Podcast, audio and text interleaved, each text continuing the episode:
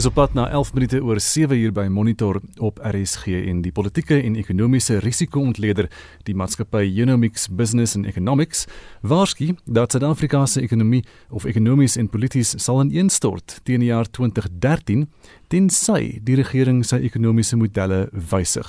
Trouwens Unomics waarsku dat Suid-Afrika teen 2030 'n sogenaamde gefaalde of mislukte staat sal kan wees. Ons praat veraloggend hieroor met 'n ekonomiese raadgewer by die Optimum Beleggingsgroep Rolof Botha. Goeiemôre Rolof. Goeiemôre julle. En dan praat ons ook met die hoofekonoom by die Efficient Groep, Dawie Roodmôre. Dawie. Goeiemôre Anita en Gustaf en Rolof. Kom ons begin sommer by jou Dawie. Ek het 'n bietjie gaan oplees oor Unomix en ek sien die hooftaal Claude by Sak het 'n agtergrond wat strek van die Afrika Ontwikkelingsbank tot die Wêreldbank en die VN. Voordat ons ontleed wat Unomix gesê het, hoe gefundeer beskou jy die maatskappy se navorsing? Ehm um, Anita, ek moet vir jou sê dat onder huidige omstandighede met verskriklike wisselvallige ekonomiese syfers, soos wat ons byvoorbeeld gesien het die afgelope klompie maande in Suid-Afrika, is dit uiters uiters moeilik om werklik ware akkurate vooruitskatting te maak van van ekonomiese aktiwiteite en goeie soos byvoorbeeld die toekoms van die ekonomiese groei traject. So vir enige iemand is is dit bitter moeilik, maar ek moet sê die spesifieke maatskappy, ek het van hulle artikels ook gelees. Ek dink uh, hulle is nogal redelik kontroversieel, maar ek is nie ek dink nie verskil verskil vreeslik baie met hulle ekonomiese vooruitsigte veral vir Suid-Afrika nie. So ek reg nogal redelik waarde aan alhoewel dit klink 'n bietjie alarmisties, maar ek reg nogal waarde aan aan hulle voorskatting vooruitskatting uh, in terme van ekonomiese ineenstorting in die jaar van 2030. Maar wat dit sê, as ons nie baie vinnig optree nie, dink ek Suid-Afrika se ekonomie kan selfs voor dit uh, baie dieper in die moeilikheid wees. En Rolof, jou mening, wat dink jy oor Unomics? Um, dan ek weet nie of die luisteraars die uh, die die bekende spotprentjie Louis die Laveld leeu ken nie. Uh maar ek dink ou ou Louis weet meer van uh toekomsstudies oor hierdie land se ekonomie as uh, as daai vier mense wat nou kastig nou hierdie navorsingsagentskap is nie. Hulle het absoluut geen geen bewese rekord van langtermyn makro-ekonomiese vooruitskattinge. Daai vier mense het van tyd tot tyd 'n bietjie oor wat hulle noem uh, ekstraksie nywerhede uh, en onder andere 'n uh, uh, klein bietjie werk vir Sibanye Stillwater vir my vriend Neil gedoen, Neil Vroneman. En so in in uh, uh, veral ook nou in die in die DR Kongo, so hulle gaan na lande toe waar daar baie hulpbronne is soos die DR Kongo. En, uh, en dan verwar hulle ons in die DR Kongo want ek reg absoluut geen zero nul waarde aan hulle vermoë om die langtermyn te vooruitskat. As ons kyk na PricewaterhouseCoopers se vooruitskattinge oor die laaste 40 jaar, langtermyn vooruitskattinge oor ontleikende ekonomieë, dan was hulle gereeld in die kol. Hulle vooruitskattinge is dat Suid-Afrika sal van sy huidige 800 miljard dollar uh teen koopkragpariteit een van die 30 grootste ekonomieë in die wêreld sal hy vorder na sal hy da, uh, opklim uiteindelik na 2045 en hy sal teen 2030 wanneer hierdie klomp uh uh wat die Engelse naam weirdos sê dat ons gaan nou in duie stort wat absolute kaf is. Uh gaan ons by 1.1 triljoen Amerikaanse dollar teen koopkragpariteit uitkom. Ek reg baie meer waarde aan PricewaterhouseCoopers se vooruitskattinge en die internasionale monetaire fonds en die Wêreldbank se vooruitskattinge. So ek moet dit net uit die beginningskanspore sê dat hierdie mense weet nie waarvan hulle praat nie. As 'n mens 'n model bou en jy vat elke keer die slegste moontlike opsie dan dan gaan jy die aard van die saak het sal Amerika ook in duie stort in 2030 en Duitsland sal in duie stort. Die kans dat so iets sal gebeur. Die kans dat president Ramaphosa en meneer Tito Mboweni, die Reservebank van Suid-Afrika en hierdie top top besighede wat ons in hierdie land het, nie kan saamwerk nie want elke keer die slegste moontlike opsie gaan gaan uitoefen is nul. Dit is absoluut nul. Er is tussenin kan 'n mens nou 'n balans kry. Hm. Rudolf is baie duidelik hoe sterk jy hieroor voel. Dawie, wil jy aansluit by wat hy gesê het? Jy het vroeër gesê jy uh, kan dalk 'n uh, ekonomiese ineenstorting sien voor 2030, so dit lyk asof jy en Rolof dit nie eens is hieroor nie. Ehm um, Anita ja, ek doen my eie ontleding ek dink Rolof doen doen sy eie ekonomie, sy eie ontleding ook, nou, maar kom ons kyk 'n bietjie wat die afgelope tyd gebeur het in terme van oh, hoe goed Suid-Afrika presteer het. Nou ons weet die afgelope klomp jare vir die afgelope 5 jaar is ons op 'n per capita basis elke jaar slegter daaraan toe Ons weet byvoorbeeld die staat van finansies het heeltemal totaal en al aanwyk gerig. Dit is bykans onmoontlik. Wel onmoontlik is nie die regte woord nie, maar dit gaan uiters uiters moeilik wees om die staatsfinansies om te keer en te keer dat die staat se fiskale afgrond afval. Ons weet die Suid-Afrikaanse ekonomie die laaste klompie ehm uh, uh, maande het uiters uiters swak presteer en ons weet hierdie jaar gaan ons in 'n ons is om die waarheid te sê al reeds in 'n baie baie diep depressie. Ons weet ook selfs al kan ons hierdie ekonomie in die groei kry, dat ons net eenvoudig nie elektrisiteit het nie en dat elektrisiteit of die tekort aan elektrisiteit net eenvoudig 'n plafon plaas op die tempo waarteen die Suid-Afrikaanse ekonomie kan groei. Maar dit is maar net ons ekonomiese probleme en ek kan nog verder uitbrei oor ons ekonomiese probleme. Ek dink nie ons van enigiets van hierdie ekonomiese probleme kan aanspreek voordat ons nie eens ons politieke probleme aangespreek het nie. Ons weet byvoorbeeld, weet ons nie wie werklik waarin beheer van die regering nie nie. Want ons kry verskillende uitsprake. Dit is so. Die afgelope tyd het die president lyk dit vir my of klaar blyklik sy politieke basis begin verstewig, maar nog steeds is daar kort kort die allerlei vreemde uitsprake wat gemaak word. Ek hoor nou sopas veropen dat die taxi-industrie blykbaar gesubsidieer gaan word. Daar is net eenvoudig nie geld nie. Besef hierdie mense dit nie. Dieselfde met die ideologie in die drie partye alliansie. Ons weet net eenvoudig nie waarvoor hulle staan nie. Praat van nasionalisering van die reservebank, praat van die verandering van die mandaat uh, van die reservebank, die tipe van uh, plak en dan weet ons ook nie of die nodige aanpassing gedoen sal kan word byvoorbeeld aan die fiskale rekenings in terme van 'n besnoeiing van die salarisrekening van die staatsdiens nie. Ons weet dit nie, want ons weet Kusatu gaan dit net eenvoudig nie toelaat nie. So ek is bevrees uh, as mense nou praat oor die slegste moontlike scenario dis elke keer die geval die afgelope tyd gewees in Suid-Afrika. Elke keer het ons die slegste moontlike scenario gekies en dit is hoekom ons is waar ons is. En ek kan nie sien gebaseer op die afgelope klompie maande of die afgelope klompie jare om die waarheid te sê, waar ons elke keer die slegste moontlike uitkoms gekies het, hoekom ons nou hier skielik gaan verander nie. Rolof, uh, Unimix het weer hierdie gevraagde woorde opgehaal, die mislukte staat, gefaalde staat. En ons het laas daaroor gepraat hier en ek onthou David gesê ons is nie naby daaraan nie. Wat is jou mening daaroor? Hoe maklik is dit om 'n mislukte staat te word? Ja, jy weet, almal uh, in 'n demokrasie is geregtig op hulle eie mening, maar nie op hulle eie feite nie. En jy weet, daarby is uit die organisasie bekend vir 'n jy weet vir 'n uh, kom ons sê maar 'n redelike negatiewe ingesteldheid, maar wanneer jy woorde gebruik soos 'n diep depressie, ons is nie in 'n depressie nie in eerste plek. Uh en geweldige afgrond waaroor ons gaan stort. jy weet dan doen mense nie die luisteraars enige gunste deur net objektief te gaan kyk na ons situasie in Suid-Afrika nie. Ons weet presies hoekom ons in hierdie gemors beland het, behalwe vir die van pandemie. Alle lande, feitelik elke land in die wêreld sit op die oomblik 'n bietjie in die knyp wat sy fiskale situasie betref. Daar is 50 lande, 50 wat 'n groter, 'n hoër staatsskuld BBP verhouding het as ons. Selfs na hierdie pandemie. Die geheim hierso is dat jy druk dit altyd uit in terme van 'n deler en daai deler is die BBP. En die konsensus mening om onder ekonome wat deelneem aan hierdie ekonomie van jaar kompetisie aan Mira 24 is dat ons gaan volgende jaar groei teen tussen 3 en 4%. En dit is die geheim. President Ramaphosa en Netito Mboweni en sy span weet presies hoe om hierdie ekonomie in die groei te kry en die rede daarvoor en dit is asof mense dit glad nie kan raak sien nie is dat hulle nou saam met die private sektor werk. Hierdie 51 infrastruktuurprojekte gaan waarskynlik meebring dat ons van volgende jaar af teen 4% plus gaan groei vir 'n paar jaar. En dan as ons hou en draai. Wat ons moet onthou is dat voor meneer Zuma, die probleme wat ons in hierdie land het, het te doen daarmee dat president Zuma het een doel voor oë gehad toe hy president geword het en dis om uit die tronk uit te bly en ek dink nie hy gaan dit regkry nie. En toe het hy stelselmatig het hy die administrasie van hierdie land begin verswak deur mense aan te stel wat onbevoeg is of skelm is. Nie almal nie, maar baie van hulle en hulle doppie is geklink want Shamila Betoy wag vir wag vir hulle en stadig maar seker gaan meneer is meneer Ramaphosa besig om die NVG en die spesiale ondersoekeenheid se magte te verbeter hulle mag nou weer met mekaar praat en nie meer. Ons het tot en met Zuma op die toneel verskyn het. Het hierdie land amper 4 miljoen ordentlike huise gebou vir arme mense. Ons het een van 994 af 1,5 miljoen nuwe formele sektor werksgeleenthede geskep en waarskynlik 3 miljoen informele werksgeleenthede en ons hy reële huishoudelike besteedbare inkomste het met 44% gestyg tot 53000 rand. Weet jy ek is so keelvol vir mense wat net die donker kant van hierdie land sien. Hierdie land het soveel geleenthede in die toekoms. Dit is dit is skrikwekkend. Rolof, uh, jy het nie 'n spreekbeurt gehad. Kom ons hoor Dawie, wil jy repliek lewer daar? Ja, ehm um, Anita, ek weet uh, Rolof, jy kan vir my sê dat jy heeltyd besig is net om die donker kant van die land te sien nie. Maar waar dis ek beskou myself as een van die die ewige optimiste in die land. Die realiteit is net dat jy dit maak nie sin om vir die mense in die land te lieg nie. Daar's baie goed en ek sê hierdie land is nie 'n gevalde staat nie. Dis nie 'n gevalde staat nie om baie goeie redes.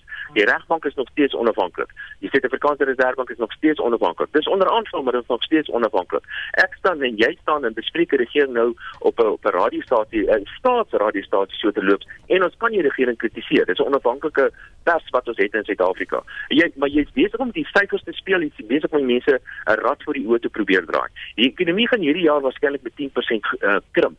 Volgende jaar praat jy van 2 of 3, jy sê 3% ekonomiese groei en ek kan selfs daarmee saamgaan.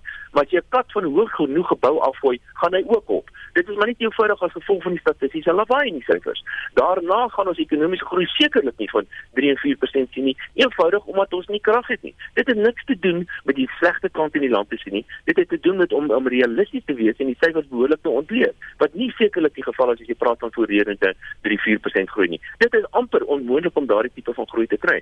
Verder, as ons nou tegnies wil begin raak. Jy praat van al hierdie kapitaalinvesteringe in die land wat gaan plaasvind. Jy kan slegs kapitaal investeer indien jy kapitaal beskikbaar het en dit kry jy by jou spaarpool. En jou spaarpool vandag word volledig opgeleen deur die staat. Die fiskale tekort gaan hierdie jaar by 17% van BBP wees.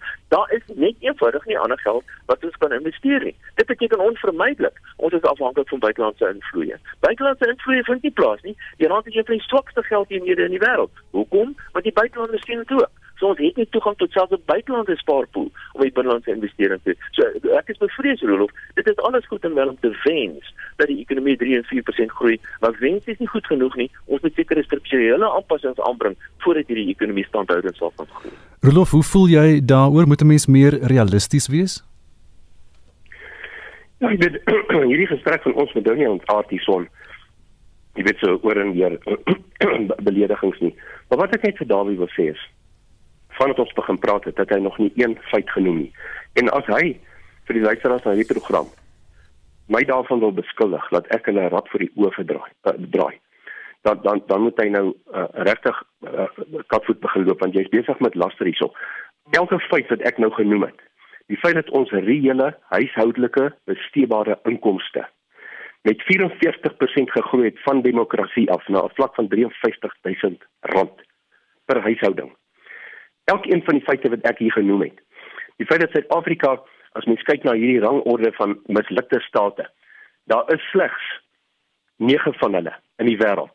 Jemen, Somalië, Suid-Sudan, Sirië, die Demokratiese Republiek van Kongo, die Sentraal-Afrikaanse Republiek, Chad, Sudan en Afghanistan. Dit is net hulle.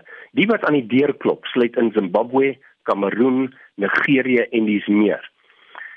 Ons is so ver verwyderd van 'n mislukte staat. Soos dag en nag, soos die ooste van die weste af. En heel in die begin van ons gesprek het Dawie vir die luisteraars gesê dat hy het die volle vertroue in hierdie Unomix, hierdie klomp uh weet ek moet nou baie versigtig wees. Hulle weet nie waarvan hulle praat nie. Hulle het geen bewese rekord van akkuraatheid met langtermyn vooruitskattinge vir die ekonomiese groei nie. As mens kyk na die Instituut van van Toekomsstudies by die Universiteit van Stellenbosch, so onlangse navorsing wat deur die twee briljante ehm um, broers Becker, Marcus en Joachim gedoen is. Het hulle vier scenario's vir Suid-Afrika uitgestip oor die volgende geslag. En elkeen van hierdie vier scenario's is positief. Hmm. En soos wat eh, die gesaghebendste navorsingsinstellings in die wêreld sê, the ultimate, ek gaan dit in Engels sê, the ultimate driver of growth is demographics. As jy nou kyk of 'n land 'n mislukte staat kan of gaan word, dan kyk jy na Venezuela want mense vlug in hulle 10000de uit daai land uit want hulle gaan dood van die honger. En dis 'n feit. Hierdie land is 'n magneet vir mense. Ons het nou sedert 1994 het ons volgens party vooruitskattinge het ons omtrent al 8 miljoen mense hier kom na Suid-Afrika toe gekom wat nie Suid-Afrikaanse burgers is nie. As mens kyk na ons landbousektor en die regering se nuwe inisiatiewe om te sorg dat elke persoon in hierdie land nie honger hoef te gaan slaap nie. Ons ons is 'n netto uitvoerder van voedsel. Uh dan dan is dit dit is werklik werk, dit is werklik vreemd om te dink dat iemand kan eers dit noem dat ons 'n mislukte staat is of gaan word. Ons gaan ons probleme stelselmatig regmaak danksy 'n president wat presies weet wat hy doen en saam met die private sektor werk. Jy luister na Monitor de 725 en ons praat ver oggend met 'n ekonomiese raadgewer by die Optimum Beleggingsgroep Roelof Botha en dan ook met die hoofekonoom by die Efficient Groep Dawie Rood.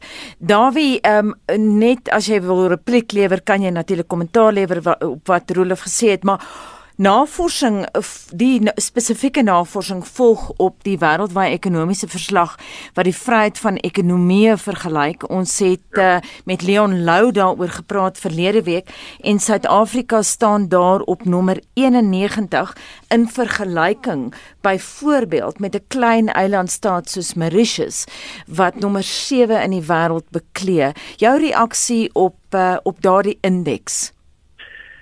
Ehm um, Anita, dis nie die enigste indeks nie, daar's heelwat ander tipe uh, ander indekse ook. Ek dink dit is uh, genoeg om te sê dat in die meeste gevalle in terme van die aantreklikheid wat Suid-Afrika of hoe aantreklik Suid-Afrika is vir internasionale en vir plaaslike beleggers, het ons in die heel meeste gevalle het ons teruggesak. Ons het teruggesak om verskeie redes, hang af hoe hierdie indeks saamstel, maar baie belangrike rede het te doen met die met die beleidsonsekerheid in Suid-Afrika. Ons het ook uh, op ander vlakke teruggesak, soos byvoorbeeld die beskerming van privaat eiendomsreg en natuurlike reg wet en orde is van die indeks wat ons teruggesak het. Uh en en uh, en uiteraard is dit so dat as jy op daai indeks terugsak, dan sien mense dit gewoonlik ook in jou ekonomiese prestasies. So sonder twyfel doen Suid-Afrika baie swakker as heelwat ander lande.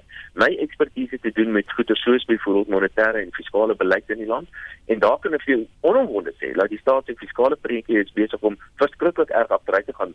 Ek weet dat Dr Botha het voor verwys byvoorbeeld na lande wat hoër vlakke aan skuld as Suid-Afrika het, wat heeltemal korrek is. Maar dan moet mens terselfdertyd ook vra wat die rentekoerse is wat hulle betaal. Baie lande wat baie hoër skuld het as ons se rentekoerse is baie baie laer as Suid-Afrika. So ek dink dit is 'n bietjie eensaidig as om, om net na sekere uh, syfers te kyk en Suid-Afrika is hoër of laer as wie en daai. Op die einde wat belangrik is, ek dink ek, is om Suid-Afrika te, te byvoorbeeld goeder soos lewensverwagting teen ander lande te plot of inkomste per capita teen ander lande te plot. En natuurlik ook uh, dan kan dit korreleer hierdie syfers baie goed met die onderskeie uh, indekse wat wêreldwyd bekend gemaak word deur 'n aantal uh, tipe van instellings. En in feitelik alle gevalle het Suid-Afrika in vergelyking met ander lande teruggestap. Dit is anders goed wel om te sê ons het die afgelope 25 jaar op 'n per capita basis beter gedoen, maar ander lande het nie net beter gedoen nie, hulle het baie baie beter gedoen. So te relatief teenoor ander lande het Suid-Afrika teruggestap. En ek miskien net die laaste net 'n ook 'n punt maak. Ek het nie gesê nie, ek wil dit uitdruk uitdruklik stel. Ek het nie gesê Suid-Afrika is geval te staat nie en ek dink ook nie Suid-Afrika is 'n geval te staat binnekort nie. Ek wil vir julle sê Ek laat meer as 20 miljoen mense ontvang elke maand van die staat se salarisrekening en die staat kan dit net eenvoudig nie meer bekostig nie. En die dag wanneer nie, nie meer geld beskikbaar is nie, is daar meer as 20 miljoen mense wat se maandelikse inkomste van die staat onder druk gaan kom en dit gaan onvermydelik lei tot baie ernstige sosiale uh, ontwrigting in die land. Iets wat ek dink ons plek plek al reeds besig is om te sien. Rolof, een van die ander dinge wat in hierdie verslag uitgekom het, Unimix lê die blame vir die huidige toestand van sake op apartheid wat verantwoordelik was vir een van die wêreld se mees ongelyke samelewings. Is daar 'n regverdige stelling? Ons praat nou die dag met Mike Schuster, toe sê hy dat die ongelykheid kom van werkloosheid af en dit het veral sedert 1996 buite beheer geraak. Ja, die uh, werkloosheid is 'n uh, hoë werkloosheid uit die afsien saak uit uh, uh, skep uh, inkomme ongelykheid want as jy werkloos is dan verdien jy nog. Die die wiskunde is nogal redelik maklik. En dit is hoekom die doeltreffendste manier om uh, armoede en ongelykheid in Suid-Afrika aan te spreek uit die afsien saak uit is om werk te skep. Want die oomblik wat jy werk skep, dan vat jy daai persoon se salaris van nou na wat ook al 3000, 10000, 15000 rand 'n maand en dis nogal 'n redelike sprong. Uh weer eens kom die wiskunde in die prentjie in.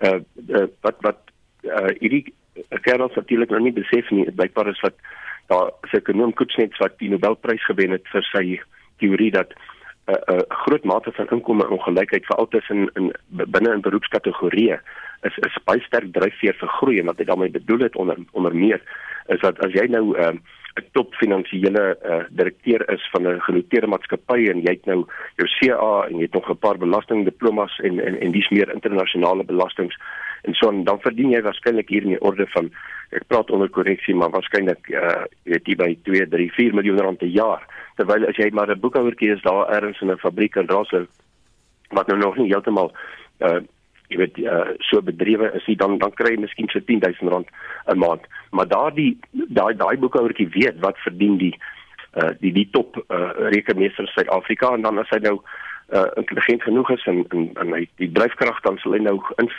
erns inskryf in sy kwalifikasies verbeter en en, en dit is die wortel wat wat hom trek na die na die hoër vlakke toe. So inkomste en gelykheid is nie uh, hoef nie 'n geweldige probleem te wees nie solank as mens ietsie dit, dit aanspreek. En en ja, uit die afsake is Dawie korrek as hy sê dat ons het agteruitgeboer. Ons het agteruitgeboer op feitelik elke aanwyser, maar ons weet presies wat die hoofrede daarvoor was. Ons het gesukkel om te herstel van die 2008-2009 resessie en toe kom meneer Zuma en toe kom al die ander mense, die Zooptas. Uh in in in die Brian Molefes en en hierdie mense uh en die, ek dink Bongo wat nou gearresteer is, ek weet nie 100% seker of dit sy van is nie met hulle korrupsie en en hulle bedrog. Ons is besig om hierdie skip om te draai. Mm. En ek dink ons praat nou hierso oor die toekoms. Ons praat nie nou oor wat gebeur het die laaste ruk nie. Ons praat oor die toekoms. Wat is ons kansse? Stelselmatig as ons kyk na nasionale tesorie se nuwe groeiplan, dan is is dit feitelik 'n waarborg as dit geïmplementeer word. En dit is 'n groot as meneer Ramaphosa moet gevegte veg binne in sy eie party, maar ek glo hy gaan daai geveg wen en hulle sal nasionale tesorie se nuwe groeiplan implementeer en hierdie ekonomie sal van volgende jaar af sal hy aanhoudend aanhou groei. Dit tussen die 5% vir die volgende 5 jaar. Ek maak daai voorspelling vandag. Kom ons hê die laaste woord aan Dawie. Ja, Gwerie Montashe lees ek vanoggend in die koerant het gesê een van die hindernisse in die land en Gwerie Montashe is natuurlik 'n kabinet minister. Hy het gesê een van die hindernisse in die land of twee hindernisse is dat die Reservebank en die Tesorie reeds nie die planne wil implementeer nie. Daar's 'n voorbeeld van tweespalk in die regering. So hoe kan ons hierdie ekonomie groei as ons hierdie tipe van tweespalk in die regering voortdurend sien? Baie dankie Davie en baie dankie uh, aan albei vir die lewendige gesprek en ek hoop julle bel mekaar na die tyd. Die ekonomiese raadgewer by die Optimum Beleggingsgroep Rudolf Botha en die hoofekonoom by die Efficient Groep Davie Rood.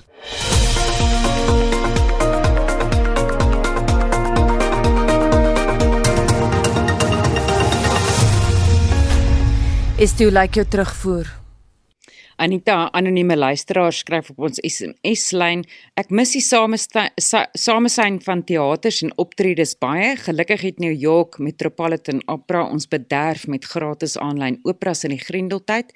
Daar was elke dag 'n opera te sien. Dit was 'n groot bederf, ook gratis klassieke konserte uit Berlyn.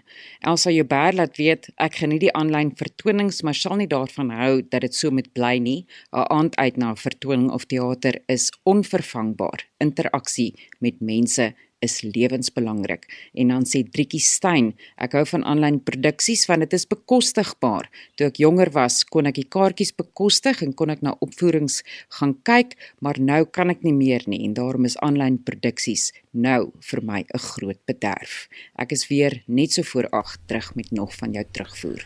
Dis nou so 26 minute voor 8 uur by Monitor op RSG.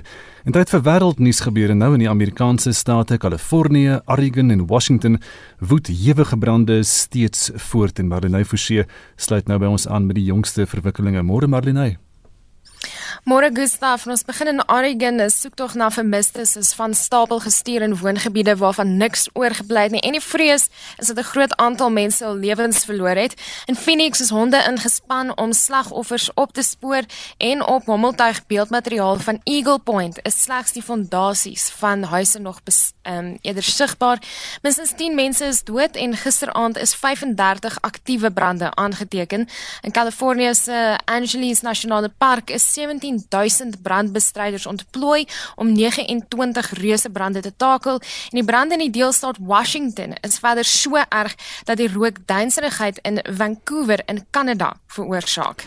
En dan in Tokio in Japan sal daar na verwagting vandag beslis word of die land se hoof uh, kabinetsekretaris Yoshide Suga die leiersels gaan oorneem by premier Shinzo Abe.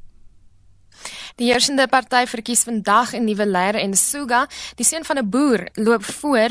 Hy's 'n getroue ondersteuner van die uitredende Abe en sê hy sal sy voorgangers se ekonomiese en buitelandse beleid bly nastreef. Ons bly dan in die ooste Hong Kong, sê hy gaan nie inmeng by China se egtenisname van 12 burgers wat eh, per boot na Taiwan probeer vlug het nie. Die owerheid sê hy is deur die gevangenes se familie genader vir hulp, maar beklemtoon dat die misdaad onder Chinese jurisdiksie val. Diegene wat in hegtenis geneem is, word as leiers van die teenregeringsbetogings in Hong Kong beskou en is deur China gebrandmerk as separatiste. En ons verskuif dan die aandag na Rusland waar 'n plaaslike verkiesings oor die naweek gehou is. En pro-Kremlin politici loop oorwegend voor. Maar die Alexei Navalny kamp het egter geseëvier in Novosibirsk, dis die stad met die land se derde grootste bevolking, asook die studente dorp Tomsk, nou dit nadat Navalny vergiftig is op 'n binnelandse vlug. Belarusse president Alexander Lukasjenko vergader intussen vandag met die Russiese met sy Russiese eweknie Vladimir Putin. Dis na 'n 5de naweek van massa betogings teen Lukasjenko se leierskap. Hy hoop om Rusland se ondersteuning te kry in sy poging om die oppositie van stryk te bring.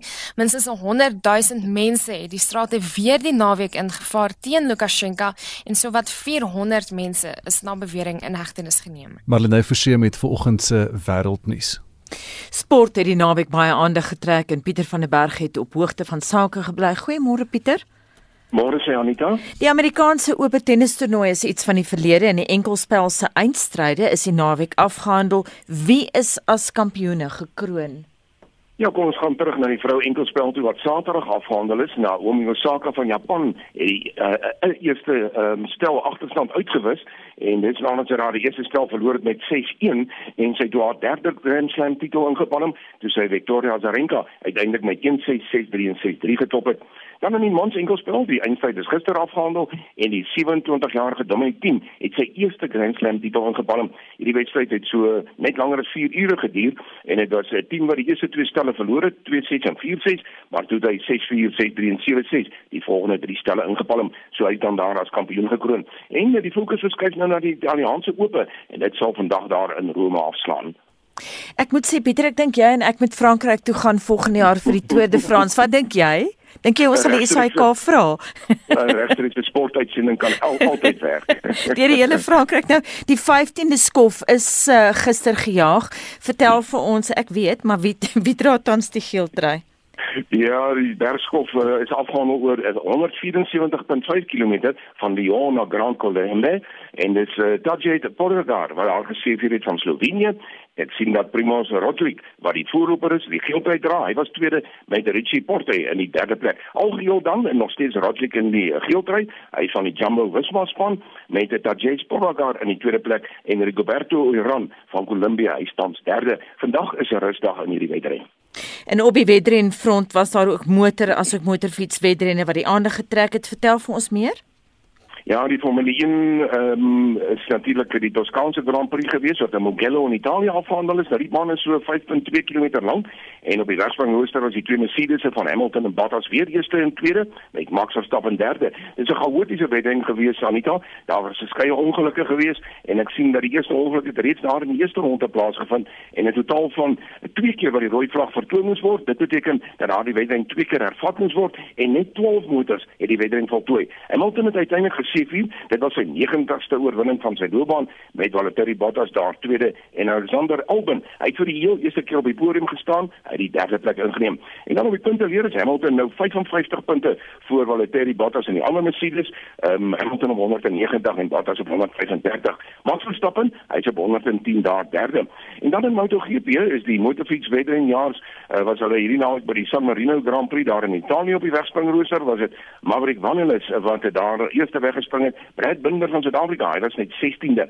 Maar Franco Morbidelli, hy het sy eerste MotoGP gewen en uh, ek sien daar dat Andrea De Dovizioso, hy het die foto op die punte weer geneem nadat uh, Fabio Quartararo aan 'n ongeluk betrokke was. Brad Binder, hy het uiteindelik net 12de kon eindig en hy is nou agste op die punte weer Suid-Afrikaanse Brad Binder. Andrea De Dovizioso op die Ducati is dan voor met 76 punte met uh, Quartararo daar in die tweede plek met 70 punte. Saterdag 'n naweek aktueel het jy genoem dat Suid-Afrikaanse golfspelers se name al hoe meer op die voorlopersborde van toernooie verskyn. Was dit nou weer so die naweek? Ja, baie goeie nuus vir Suid-Afrika. Anita, dis die Portugese meesters wat daar uh, by die Dom Pedro Victoria baan in Portugal gespeel is en kan jy glo George Coetzee, die laaste ronde begin as die voorloper en hy eindig dan uiteindelik daar as die wenner. En ek moet sê, daar die uh, dis sy vyfde Europese titel en hy het uitstekend gespeel. Dit was dan uh, die ander Suid-Afrikaner Brandon Stone wat 12de was en Wilco Nidaba en Bryce Easton gesamentlik 20ste. Maar in Amerika is die syfer oop waar die Suid-Afrikaners iets wat uitgesak het. Dis daar in Kalifornië beslis. Charles Schwartzel, hy het op 1400 geëindig en Brandon Grace was op 1300. Die wenner, dit was uh, Steve verskoning Stewart sien. Hy was uiteindelik op 2100 met uh, Harry Hicks wat tweede geëindig het op 1900. Kom ons praat 'n bietjie cricket sake. Ons praat oor die Aussies en die Engelse. Ja, die uh, eerste wedstryd is natuurlik uh, gewen deur Australië met 19 lopies. Gister is die tweede kragmeting afgehandel. Engeland, hulle het so 'n bietjie die bordjie verhang. Hulle het teruggeveg en met 24 lopies gesê vir Australië moes net 232 aanteken vir oorwinning. Hulle was op 144 vir 2, maar toe het hulle 6 paaltjies vir net 22 lopies verloor en hulle is almal uit vir 207. Dit beteken die reeks is nou 1-11 en die finale wedstryd word dan Woensdag gespeel. En rugby was ook op die naweek se spyskaart. Loer vir ons na die uitslae daar, Pieter. Ja, in Australië is dit die Super Rugby reeks halfwyn wedstryde wat beslis is daar in die Suncorp Stadion. Die Reds het die Rebels geklop met 25-13. Dit beteken dat die Reds dan uh, komende naweek in Canberra teen die Brumbies in die eindstryd sal speel. En dan in die Europese Pro 14 is dit Leinster en Ulster wat mekaar die stryd aangeset in die eindstryd van die kompetisie. En dis Leinster wat vir 'n derde keer in 'n ry kampioene gekroon is. Hulle het met 27-5 koning gekraai. En in die Engelse Premier League was daar gister nie minder nie as vyf wedstryde gespeel en uh, die volgende spanne het oorwinning oorwinningsbehaal Saracens, Bath, Worcester Warriors, Leicester asook Wasps. En op die sokkerveld is die Netbank beker eindstryd Saterdag beslis en daar was ook wedstryde in die buiteland. Ja, Saterdag was dit uh, Bloem Celtic wat pak gekry, maar Mamelodi Sundowns is uh, gekroon as die kampioen. Hulle het met 1-0 daar geseëvier en dan die Nedbank beker eindstryd. Dan in die Premier League daar in Engeland wat nou weer aan die gang is, was daar gister twee wedstryde. Tottenham Hotspur het pak gekry by die tuisveld Everton top hulle met 1-0 en Leicester City het 'n wegoorwinning van 3-0 oor West Bromwich Albion behaal. Vanaand is daar twee wedstryde, Sheffield United teen Wolverhampton Wanderers en Brighton and Hove Albion kom te staan teen Chelsea. Baie dankie en so sê Pieter van der Berg van RSG sport. Dis nou so 17 minute voor 8 in die daknetwerk wat se naam erkenning gee aan die Khoisan ikone Doman Auchumwa en Krutua het die onderwysman Dani van Wyk as tussentydse voorsitter aangewys in die afwesigheid van 'n Dr Danny Titus wat steeds in 'n koma in die hospitaal is. Ons praat nou vanoggend met hom môre Dani. Goeiemôre Gustaf, goeiemôre luisteraars. Dit moet seker vir julle erg wees met dat julle voorsitter Dr Danny Titus dan nou nog steeds in 'n koma is, né? Nee? Dis korrek so ehm um, ons uh, uh, uh, organisasie besef dat ons sou moet voortgaan met ons projekte alhoewel ons aanvaar dat dokter Titus heel moontlik vir 'n lang ruk nie met ons sal wees nie en ons gebede is steeds met hom en met sy gesin en uh, uh, dit is erg vir ons om om hom in sy afwesigheid jy weet ons ons mis hom in ons organisasie. Hmm. En en weet julle hoe gaan dit met hom in hierdie stadium? Nee, uh, Gustav, ons het niks uh uh, uh verdere nuus ontvang hmm. in sy toestand nie net dat wat jy ook nog genoem het dat hy steeds nog in 'n in 'n koma is. Ja. Dan die hele organisasie is gestig om die breingemeenskap se kultuur en erfenis te bevorder. Wat is die belangrikste aspek daarvan uh veral in erfenismaand nou? Ek sou sê dat uh, ons hoof fokus is op identiteit. Ehm uh, want te midde van van die vele debatte hier oor Gustav is dankie netwerk uh, se benadering om te fokus op die trots van ons herkoms en ons deelname as burgers aan die Suid-Afrikaanse samelewing. Ehm um, ons beëiwer ons dus vir die ontwikkeling en navorsing oor voorheen benadeelde Afrikaanse gemeenskappe uit uit die aard van die saak uh, die bruin gemeenskap is. Ehm um, ons organisasie is in 2016 gestig en ehm um, ons het 'n hele aantal projekte wat ons begin aanpak het en ehm um, waarmee ons voortgaan in die afwesigheid van van ons voorsitter. Hoekom hoor 'n mens so min van organisasies soos julle? Is daar baie ander sulke organisasies of nie? Nee, ongelukkig moet ek erken dat daar nie op binne die bruin gemeenskap nie sulke tipe organisasies bestaan nie en juis uh sou ek sê is dak gestig om om daardie uh uh leemte te vul. Ehm um, wat die rede daarvoor is kan ek nie vir jou op die oomblik sê nie anders as dat uh dit moontlik was dat ons nie in die verlede op kultuurprojekte as sulks gefokus het nie. Uh, maar ek dink daar is 'n groter bewuswording nou binne die bruin gemeenskap van hulle presies, hulle projek binne die Suid-Afrikaanse samelewing. Dani, wat word gedoen om uh, weet vir alle waardering vir die Khoisan kultuur onder jong mense aan te leer want daardie kultuur is een van Suid-Afrika se kultuurskatte en dit word baie keer vir die res van die wêreld gewys. Ja, ehm um, jy moet nou ons fokus nie presies net op die Khoisan nie, maar ek dink daar is uit die aard van die saak groot fokus op op die herkoms van bruin mense. Ehm um, veral ons gemeente, jy weet ons wortelstrek tot in die ooste, Midde-Ooste uh vanaf uh uh, uh, uh, uh die uh, Europese lande en dan ook natuurlik hier plaas waar die groot uh uh, uh groepering die Khoi en die San was. En ehm um, jy daai bewuswording van mense van hulle kom vandaan uh is vir my belangrik want dit skep 'n identiteit by mense, by bruin mense veral om seker te maak dat ons wel deel is van hierdie Suid-Afrika en dat ons deel is van daai verskeidenheid binne die eenheid of die eenheid binne die verskeidenheid soos dit word weergegee word in ons credo uh, uh, in die Suid-Afrikaanse credo. Nou Danny, laas week was daar natuurlik koerant voorblaai gewees die minister van kuns en kultuur wil nou sogenaamde tema parke oprig waar waar die sogenaamde afstootlike simbole behoue kan bly. Met ander woorde iemand soos Paul Creer moet nou gaan staan in 'n tema park wat destyds so gespot met die met die hele Jurassic Park storie. Wat is julle reaksie op hierdie tema park idee? Ehm um, Ek dink die die die, die voorstel van temaparke, die besonderhede daarvan is op die stadium nog baie onduidelik en baie uh uh, uh daar's groot onsekerheid nog rondom dit. Die vraag wat natuurlik ontstaan is, waarin sou hierdie uh uh beelde of dan nou ehm um, gedenktekens verskryf word?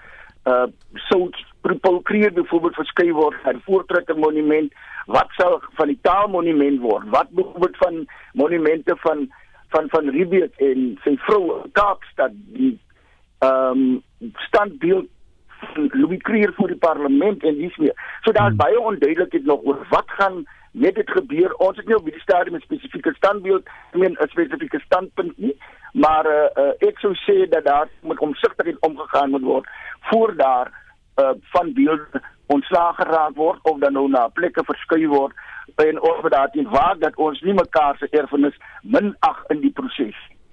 Dani, baie dankie vir die gesels vanoggend. Dit was Dani van Wyk, tussentydse voorsitter van die Daknetwerk wat hom beywer vir die regte van agtergeblewe Afrikaanssprekendes.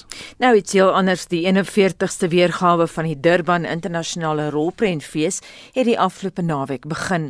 Weens COVID-19 vind meeste aktiwiteite aanlyn plaas, maar daar's ook beperkte vertonings van feesrolprente by inryteaters wat spesiaal vir die doel in KZN geskep is. Annelie Jansen van Vuren het meer. Die Sentrum vir Kreatiewe Kunste by die Universiteit van KwaZulu-Natal bied jaarliks die Durban Internasionale Rolprentfees aan. Die direkteur van die sentrum, Dr. Ismail Mohammed, sê al moes hulle by die COVID-19 beperkings aanpas, wou hulle nie heeltemal die tradisionele silwerdoek prys gee nie. Daarom het hulle hul opening as 'n inryteater geleentheid aangebied aangename aangegaan met ons opening toe ons by die Durban Country Club saamgekom na 7 maande na die lockdown vir die eerste tyd as 'n gesamentlike kunstige gemeenskap. Dit was 'n inry teater ervaring. Ons het omtrent 60 motors op die plek gehad. Die film was dis is not a burial, dis resurrection met die legendariese aktrise Maritwala. Die fliek was oor erfenis die hele ervaring was uitstekend. Na die fliek kon mense nie 'n staande applous aan hulle motors ingee, maar hulle kon hulle toeters toet en die motors se ligte flits. Dit was soos 'n celebration dat die kunste is terug. Mense wat hierdie ongewone inryteater wil nog ervaar, kan dit doen by ons volgende 3 aanbiedings, dis in Newcastle, Port Shepstone en Richards Bay inligting van die aanbiedings kan gekry word op ons webwerf durbanfilmfest.com. Verskeie rolprentfeeste het onlangs hul bedrywighede aanlyn geskuif met soveel aktiwiteite wat virtueel plaasvind. Laat dit die vraag ontstaan wat die toekoms is vir feeste wat gewoonlik op 'n tradisionele wyse by teaters plaasvind. 'n Dosent in drama en filmstudies by die Universiteit van Pretoria, Dr. Chris Broodryk, gee sy mening die maniere waarop rolprentfeeste en kunstefeeste oor die algemeen ook hier in Suid-Afrika aangepas het by die aanlyn omgewing om op so 'n wyse 'n ander en selfs 'n nuwe gehoor ook te kweek was werklik verstommend en baie baie positief ook. Die nood het werklik gedruk en geleer innoveer in hierdie tye. Maar daar is iets wat dan nou verlore gaan wanneer ons nie 'n tradisionele fees het nie. Jy kan nie 'n fees suiwer in die vorm van van sogenaamde webinars hê nie. Jy kan die basiese blokke van die fees natuurlik hê, jy kan die materiaal hê waarna daar gekyk word, jy kan onderhoude hê na die tyd. Daar is selfs vraag en antwoord geleenthede. Maar wat ons hierso dan nou vermis, is die spontane oomblikke wat agter die skerms plaasvind. Dit is nie moontlik om om 'n hoek te stap en vas te loop in 'n bekende akteur of regisseur of draaiboekskrywer nie. So die geleentheid vir die agter die skerms dinamiek om uit te speel vir mense om hand te skud vir kreatiewe persone om spontaan idees uit te ruil omdat hulle mekaar in 'n restaurant raak geloop het.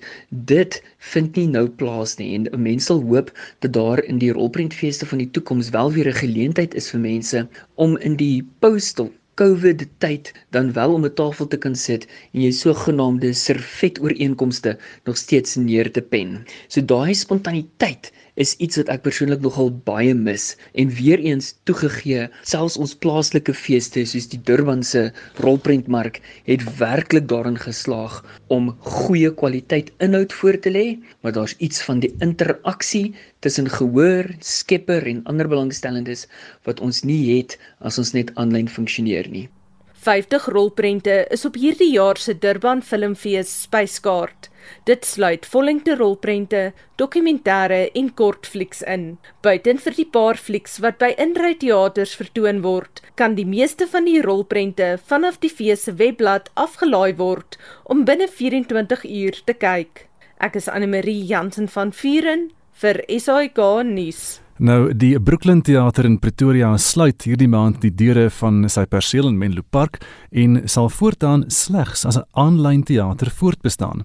Anne-Marie Jansen van Vuren het vir die Brooklyn Theater se artistieke direkteur Willem Vogel gevra wat die beweegrede vir hierdie besluit was. Kyk, die teater is 'n gebou wat ons 'n produksiemaatskappy Salon Productions of dan nou Salon Musiek. Ons besit hom nie, ons huur hom. Ons is nou vir 26 jaar lank in die kunste en ons het voorheen verskillende venues gebruik. Maar 10 jaar gelede, 2010, het ons in die Brooklyn Theater ingetrek um, as huurders. Ons was ook aanvanklik aandeelhouers in die perseel, maar die aandele het ons verlede jaar verkoop. So ons was suiwer huurders in Brooklyn Theater. Ek dink die COVID situasie baie van die kunste baie sleg, sommige meer sleg, sommige minder sleg geaffekteer. En ja, dis by ons is dit 'n kwessie van ons het hierdie gebou wat 'n redelike stywe huur het wat ons beset en daar gebeur niks in die gebou nie en dit is nie albaar om so voort te gaan omdat ons nie produksies op die planke mag plaas nie. So julle gaan nou vir die afsienbare toekoms aanlyn bly, maar hoop julle weer om 'n fisiese teater in die toekoms oop te maak? Weet jy, enigiets kan gebeur. Ons is baie aktief aanlyn van die begin van COVID af. So ons weet nie. Ons kan nie so 'n vraag antwoord eintlik nie, maar ons het baie venues wat ons kan gebruik vir konserte in hierdie stadium vir opnames. Ons het pas nou net 'n televisieopname gemaak in die Pretoria se Kunsmuseum. Ek dink van ons luisteraars sal weet dat ek 'n televisieregisseur is. Ek is 'n multikamera regisseur. Ek was vir 'n lang tyd by die SAK. So dit kom nou vreeslik handig in dat ons hierdie aanlyn goed kan opneem en daar's baie venues wat se deure vir ons oop staan om op te neem en as ons in 'n stadium weer 'n venue moet betrek vir konserte kan ons definitief nie nee sê nie maar dit is baie onduidelik met COVID.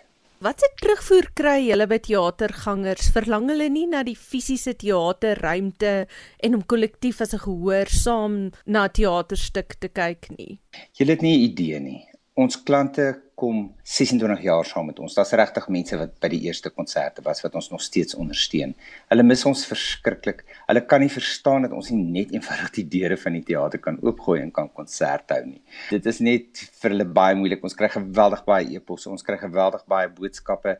Mense kom besoek ons, mense bel ons ja, dit is vir hulle regtig 'n groot krisis en jy weet om aanlyn te gaan is so bietjie soos die Engelse sê reinventing the wheel. Daar's baie mense vir wie dit ongeleë is. Ons het 'n redelike goeie ondersteuning in hierdie stadium vir aanlyn, maar die mense se harte is by lewendige opvoedings en daarom kan ons ongelukkig niks doen nie. En dit was dan Willem Vogel, die artistieke direkteur van die Brooklyn Theater, asook die Gautengse Filharmoniese Orkees. En op daardie noot Gustaf Tallo Hatem skryf op ons SMS-lyn: Ek het vooropgestelde idees gehad oor aanlyn vertonings, maar wat 'n verrassing toe ek Helena Hetema se aanlyn vertoning gekyk het. Dit was 'n kunswerk op sy eie met die ongelooflikste kamerawerk en foto-insetsels wat die liedjies wat sy gesing het gekomplementeer het het. Dit sou nie in 'n op 'n lewendige vertoning moontlik gewees het nie. Dis ja, dit kan weer 'n ander ervaring wees.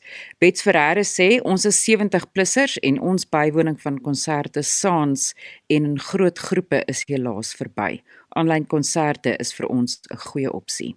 Elise van Durban skryf: Ek geniet die opera opnames wat deur die Metropolitan in New York gestroom word. Die aanlyn internasionale balletkompetisie wat deur Dirk Badenhorst georganiseer is, was spike. Larry Grywenstein sê dis ongelukkig nie dieselfde nie. Persoonlike kontak en teenwoordigheid bly maar die beste. Dis soos om aanlyn te vry. Jy mis die beleef, ervaring, gevoel, hoor en ruik van mense. Ek is ook al keelvol vir aanlyn werk. Louie van Niekerk skryf vir ons: "Die probleem met musiekkonserte is dat TV's en rekenaars se klank nie kan kers vashou by 'n lewende musiekuitvoer nie. Dan is dit maar soos TV kyk. En Henny Malan sê die atmosfeer is net nie dieselfde nie. Die glasskerm van 'n rekenaar kan nie skep wat lewendige vertonings doen nie. Reuk, hoor en beleef. Gregory Skabots sê ek kyk nie aanlyn nie, miskien kort stukkies. Die teaterervaring is meer as net die produksie. Dis 'n ete, 'n drankie en kuier saam met mense. En Barend van der Merwe sê nee wat, ek raak aan die slaap op die laptop. Die grendeltyd moet afgeskaf word sodat mense weer kan party en rock and roll en teaters kan gaan kyk. Baie dankie vir julle terugvoer vandag. En so gepraat uh, van terugvoer. Ons gaan uh, nou nou by Madeleine hoor hoe uh, hoe lyk like, uh, Spectrum se dag. Kom ons hoor sommer net tussentyd nou by jou Madeleine. Hoe lyk like Spectrum vanmiddag? Anita minstens 3000 werknemers by staatslykhuise gaan vandag landwyd staak. Hulle wil hê dat die uitkontrakteer van fasiliteite erken word en dat dit ook as wettig aanvaar word. So ons gaan dit in diepte dophou. In Kaapstad sê die gesondheidswerkers en die NEHAU, hulle gaan voort met 'n landwyse staking totdat daar aan hulle eise voldoen word.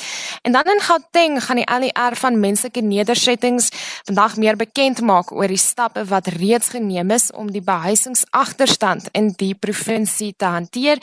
As jy wil weet wat daar aangaan, kan jy gerus inskakel op Spectrum. Dis tussen 1uur en 2uur vanmiddag en daar is natuurlik ook heelwat ander nuus wat ons gaan volg en jou op hoogte gaan bring. En so kom ons aan die einde van vanoggend se monitor. Ons groet namens ons waarnemende uitvoerende regisseur Wessel Pretorius.